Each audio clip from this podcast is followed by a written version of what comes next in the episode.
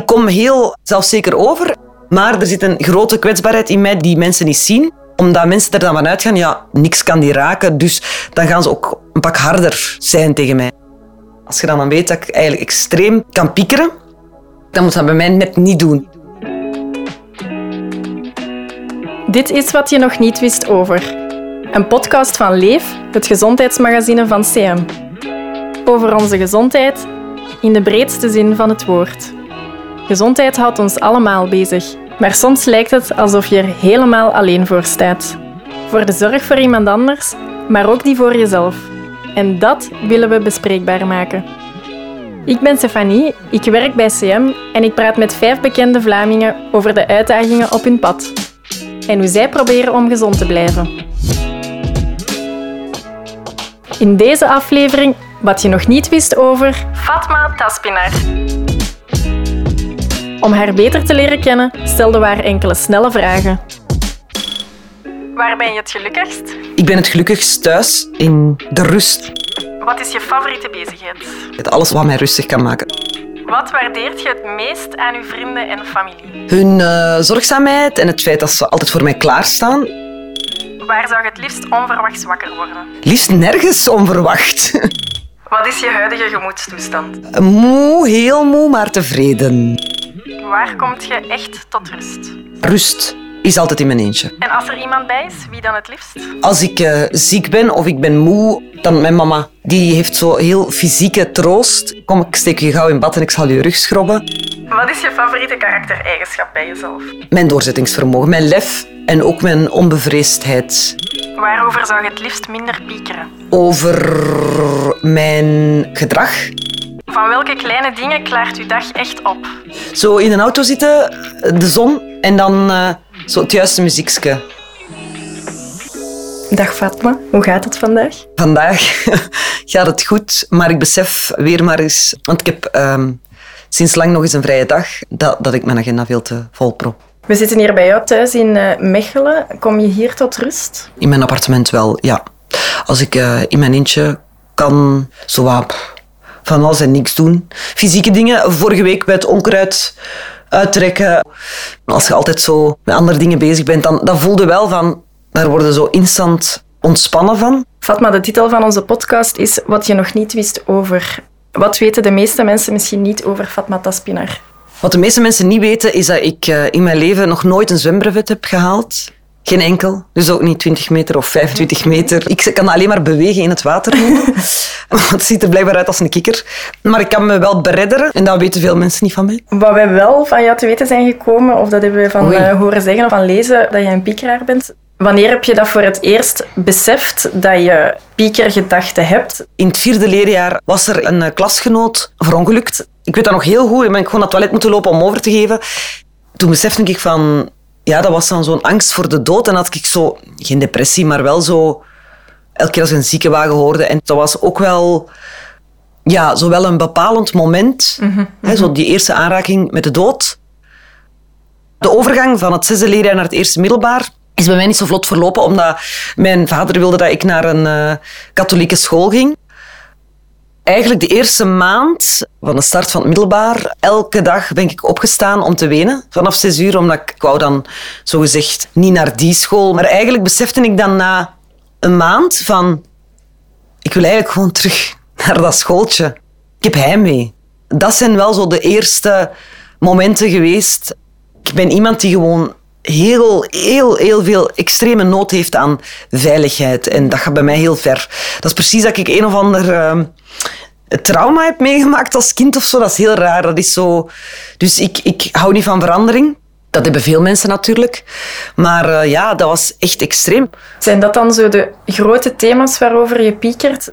Ik was een heel onaangename puber uh, in de klas. Ik kreeg altijd opmerkingen over te veel babbelen. En dus dat heeft mij wel heel onzeker gemaakt. Dus ik heb heel lang, en eigenlijk nu nog, worstel ik met oei, ik ben te aanwezig. Uh, ik babbel te veel, die persoon komt niet genoeg aan het woord. Dus daar ben ik eigenlijk altijd over aan het piekeren. Al is dat de laatste tijd beter. Ik probeer mij al, allez, sinds zeker mijn uniefjaren, mezelf altijd te veranderen. Zo van, je moet wat minder dit zijn en wat minder dat zijn. Terwijl je kunt natuurlijk niet na 38 jaar proberen moeten vaststellen dat dat, allez, gelukkig maar, dat dat dan een soort van berusting in komt. Dus ik kan dan avond ergens naartoe gaan, hè, dus met, met een redelijk nieuwe situatie. En dan kan ik achteraf zo denken van, ja, ehm, ik ben daar niet op ingegaan, dat is niet aan bod gekomen. En dus eigenlijk zo in de gedachten van anderen kruipen. En dat is extreem, extreem vermoeiend. Mijn vrienden moeten soms echt zeggen van, je moet niks bijdragen om hier gewoon te mogen zijn. Dus Ja. dat is precies dat ik altijd zo wil, wil een schuld vereffenen of zo. Ja, ja. Dus daar pieker ik extreem veel over, wat mensen over mij denken. En dan gaan ze vragen, oei ja, je komt op tv, dus dat is toch niet evident, want mensen denken heel de tijd van alles van u. Ehm, dus ja, dat is ook nog altijd een groeiproces. Ik denk vaak van, dat is totaal niks voor mij omdat ik kom heel eh, zelfzeker over. Hè. Dus voor die job te kunnen moeten ook wel voor een stuk ijdel zijn. Of toch sterk in je schoenen staan. En dat is ook wel zo. Maar er zit een grote kwetsbaarheid in mij die mensen niet zien. Wat niet erg is, maar eh, wat vaak voor een heel andere perceptie zorgt. En dus ook een heel ander soort van bejegening naar mij toe. Omdat mensen er dan van uitgaan, ja, niks kan die raken. Dus dan gaan ze ook een pak harder zijn tegen mij. Als je dan, dan weet dat ik eigenlijk extreem kan piekeren dan moet dat bij mij net niet doen. Mensen die mij goed kennen weten dat ook. Er is een heel grote discrepantie tussen hoe ik overkom en wat ik eigenlijk echt voel. Dat is ook niet dat ik dat bewust doe, hè, van oh, ik ga mij hier stoerder voordoen dan ik ben. Dat is gewoon een manier geworden dat ik mezelf heb aangeleerd in mijn kinder- en jeugdjaren om vooruit te gaan. En dat heeft mij heel veel opgeleverd natuurlijk, omdat je altijd blijft rechtstaan en Ja. veerkracht hebt Ja. en moedig bent in het leven. Maar dat begint dan natuurlijk op een bepaalde leeftijd begint dat zich tegen u te keren. Omdat je dan natuurlijk bijvoorbeeld een relatie aan te gaan, moet die kwetsbaarheid wel... Het heeft mij wel gebracht tot waar ik sta, omdat ik op cruciale momenten niet ben gecrashed. Omdat ik altijd heb kunnen zeggen, oké, en nu gaan we voort. Maar daardoor is die connectie tussen buik en hoofd was zoek. En ben je dan iemand die ook bevestiging nodig heeft af en toe? Iedereen heeft dat wel nodig, maar zou dat goed doen voor jou om dat meer te krijgen misschien? Ik weet het niet. Want eh, zelfs als ik die krijg, dan blijf ik er ook nog altijd mijn eigen ding van vinden. Of dat het wel oprecht Ja. is? Of- Ja. ja. Ja, dan denk ik, ja, je zegt dat nu zomaar. Eh ik moet vooral zelf iets vinden. Als er dan honderd goede reacties zijn en één slechte, dan onthoud ik ook die slechte. Dus, Ja. Maar dat zal wel heel herkenbaar zijn voor mensen. Dus het is dubbel, hè. je mocht niet te veel complimenten krijgen, want dat is dan... Dat, dat, allee, ik doorprik dat ook heel snel als mensen dat gewoon zomaar zeggen. Daar kan ik ook echt niet tegen, dus je moet altijd wel eerlijk zijn. Je zei, het zit vooral binnen in mezelf. Ik moet dat binnen in mezelf gaan veranderen. Lukt dat? Mijn innerlijke criticus, zoals het dan heet, is, is gewoon enorm luid. Maar die is wel wat stiller geworden. Dus ik hoor dat ook vaak, hè, als ik, eh, want ik heb al van zijn leven veel in therapie van alle soorten dingen al geprobeerd. Maar meestal op momenten dat het goed met mij gaat, omdat ik dan ontvankelijker ben. Ik hoor wel heel vaak dat ik veel milder moet zijn voor mezelf. Ik ben heel, heel streng voor mezelf. En dus dan ook voor anderen. En hoe probeer je dat concreet te doen? Milder zijn voor jezelf? Ik ben eh, een, een, ja, een van mijn beste vrienden verloren, Bart Verrijken, eind vorig jaar. En eh, ja, dat zit zo... En ik probeer dat gevoel wel vast te houden. Dat zet de dingen wel in perspectief. Zo van...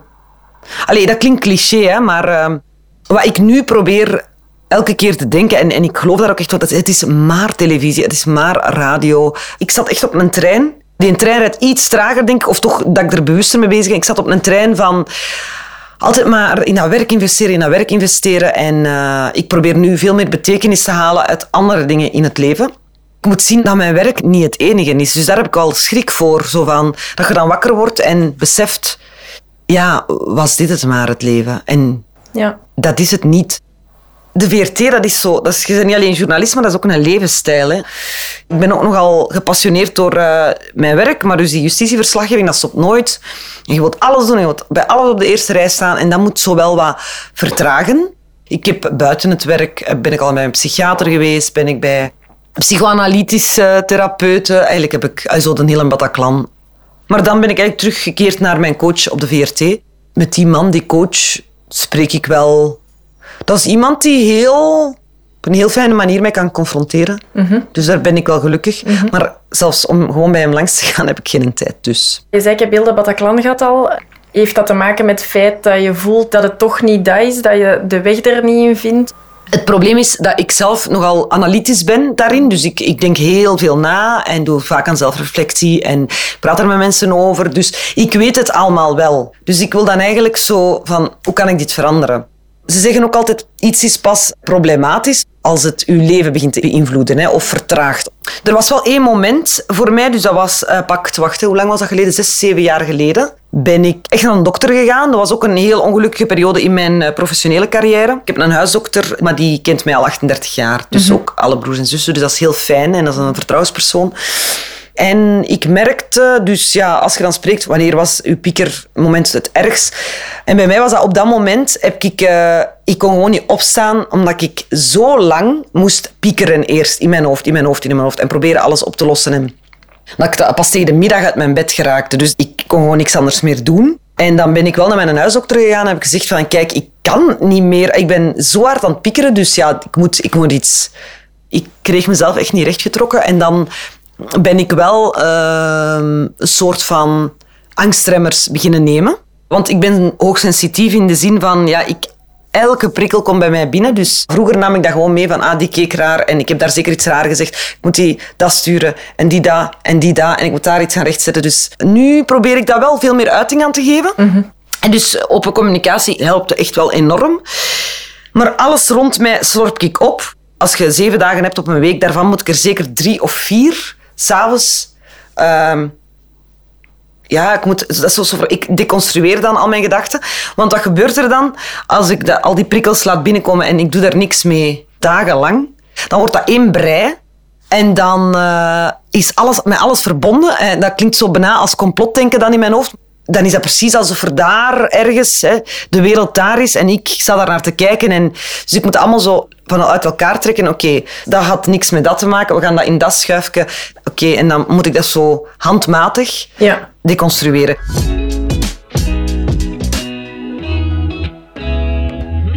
We geven in de podcast ook altijd het woord aan een lezer van ons magazine. Mm -hmm. Dit keer is dat Line. En zij vertelt ook hoe zij omgaat met piekeren. Ik ben Line, ik ben 41 jaar oud en ik woon in Roeselare.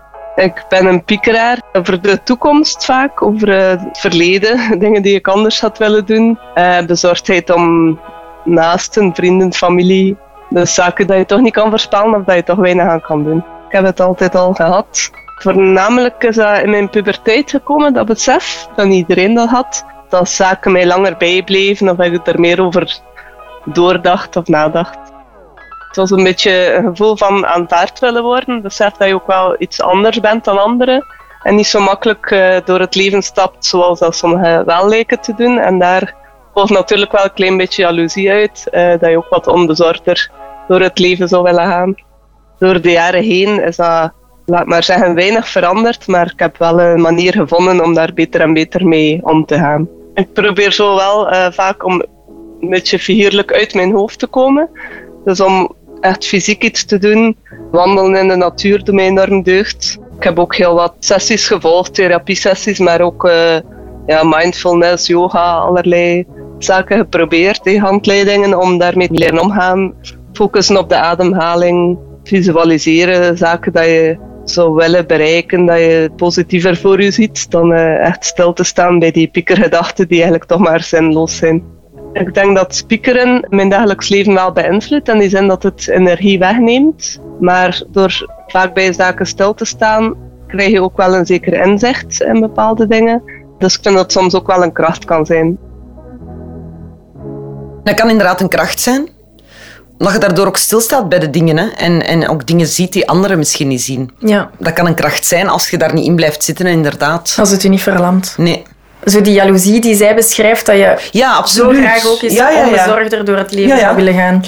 Ja, ja, ik, uh, ja, ja. Denk van die mensen die fluitend wakker worden, ik, vind, ik ben daar heel jaloers op. Ja. Probeer je het gezelschap van die mensen ook op te zoeken? Ja, maar bijvoorbeeld Lieve van Gils is een van mijn beste vrienden en die heeft dat. Ja. Die houdt van het leven, die vindt dat er niet genoeg uren zijn in een dag. Ik vind dat er niet genoeg uren zijn om te slapen. Dat is dan wel een van de gevolgen van het piekeren van de hoogsensitieve, is dat ik extreem veel slaap nodig heb. Allee, extreem veel, sorry. Ik vind, allee, ik vind acht uur niet. Ik moet altijd minimum zeven. Maar dat is echt minimum. Daaronder functioneer ik niet.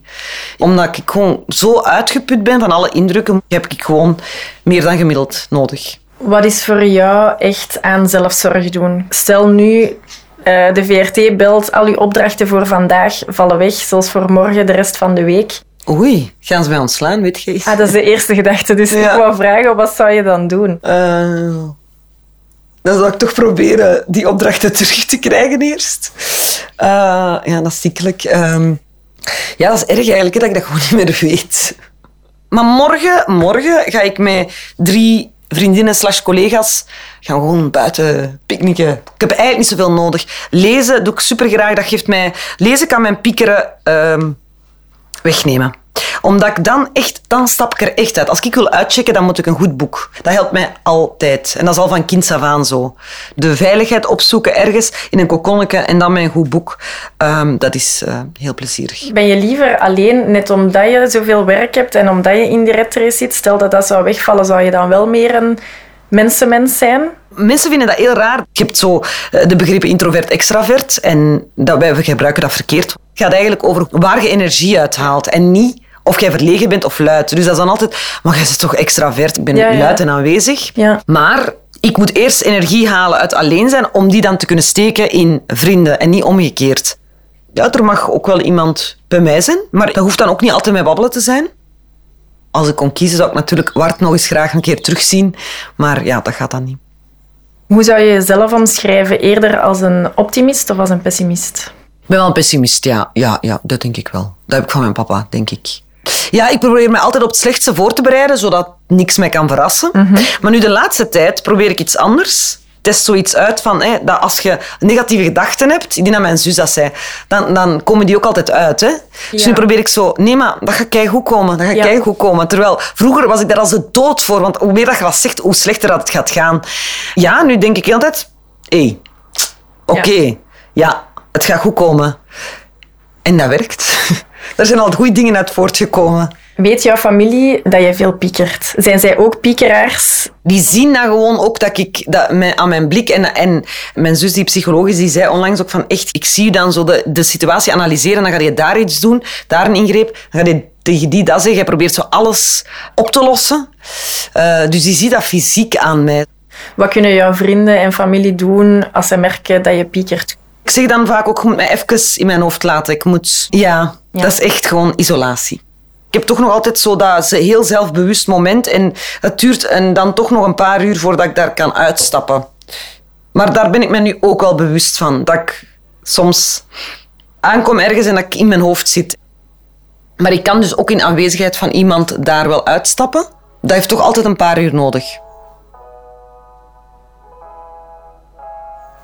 Mijn petekind, dus allee, het zoontje van mijn broer, die is nu zeven. En dat is echt, eh, ja, die zegt soms, my brain hurts. Allee, dus dat zijn hersenen pijn doen. Dus Ja. ik denk, ah nee, die heeft er heel veel last van en ik heb er echt mee te doen. Dus die heb ik wel al eens een paar keer meegepakt naar hier. Gewoon alle visuele en auditieve prikkels weg. En gewoon samen in een donker. En ik heb gezegd van, kijk, als u hersenen pijn doen, mag je altijd naar meter komen. En dan gaan we gewoon in stilte Ja. doen wat jij wilt. We moeten niet babbelen. Je mocht hier gewoon zijn. Wat voor moeder zou je zijn? Ja, ik hoorde ook van mijn beste vriendin, is ook een zware piekeraar. En die heeft twee kinderen intussen. En die, pas op, die heeft er nog altijd last van. Maar je, je wordt gewoon door de praktische beslommeringen van het leven meegezogen. En, en je kunt jij wel piekeren, maar je kinderen moeten wel aangekleed zijn. Daarnet zei je ook dat je eh, niet gemakkelijk kan loslaten. Hoe komt dat, denk je? Door niet los te laten, denk je dat je controle hebt. Ik ben ook een controlefreak Ja. en een perfectionist. Dus voilà, een combinatie van dat alles. Perfectionisme, we hebben dat nu al een aantal keer laten vallen, als in, ja, ik ben dat en daarom pieker ik inderdaad veel. Ja. In welke gevallen is dat voor jou echt dat je merkt, het is een voordeel? Ja, dat zal altijd wel een voordeel zijn natuurlijk. Hè, omdat je nooit tevreden bent en altijd de grenzen zult... In je werk zal dat altijd wel een, eh, een voordeel zijn, denk ik. Alleen moeten ook wel dan durven... Als ik iets zie, iets klein, een aarzeling of een hapering, dan vind ik... Ja, oké, dat is niet perfect, dus dat is slecht per definitie. Ja. Dus ja, het is vooral heel nadelig. Maar als je dat kunt keren, dat je... En dat kan, dat kan ik iets beter, zo van... eh, wij, wij journalisten zeggen dat ook tegen elkaar, wij overschatten soms eh, dat wij gewoon een keer eu zeggen. Ja. Dat is, oh nee, ik heb gehaperd. Maar mensen thuis zien, hè, om eens niet, want je zegt geen robot. Hè. Wanneer heb je voor het laatst nog gepiekerd en waarover? Eh, Een paar dagen geleden over mijn werk. Zoals altijd. Uh, wat was dat specifiek? Of ik wel goed bezig ben. Dat Ja. soort dingen. En zal je altijd een piekeraar blijven, denk je? Ja, zeker. Ik denk dat wel. En zal het beteren? Zal het beteren? Zal het beteren? Ik weet het niet. Eh, ik hoop dat, want ik zeg al tien jaar... ik- Wel, wat is de leeftijd waarop je berusting Ja. vindt? Ehm, ik denk wel dat het zal beteren. Wat ga je nog doen vandaag? Ja, wel, ik was, ik was aan, het, aan het nadenken. Wat ga ik doen? Wat ga ik doen? Ik ga ofwel naar langs mijn familie, want die heb ik al lang niet meer gezien. Doordat ik zo te veel aan het werken was. Een beetje spelen met de kindjes van mijn broers en zussen. Langs mijn ouders. Eh, of langs vrienden, maar ik weet het nog niet. Heel veel plezier alvast. Dank je wel. Bedankt om je verhaal met ons te delen. Is graag gedaan.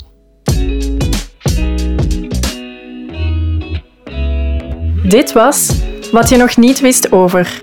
Een podcast van Leef, het gezondheidsmagazine van CM. Ken je iemand voor wie dit verhaal een duw in de rug of een klop op de schouder kan zijn? Stuur deze aflevering gerust door.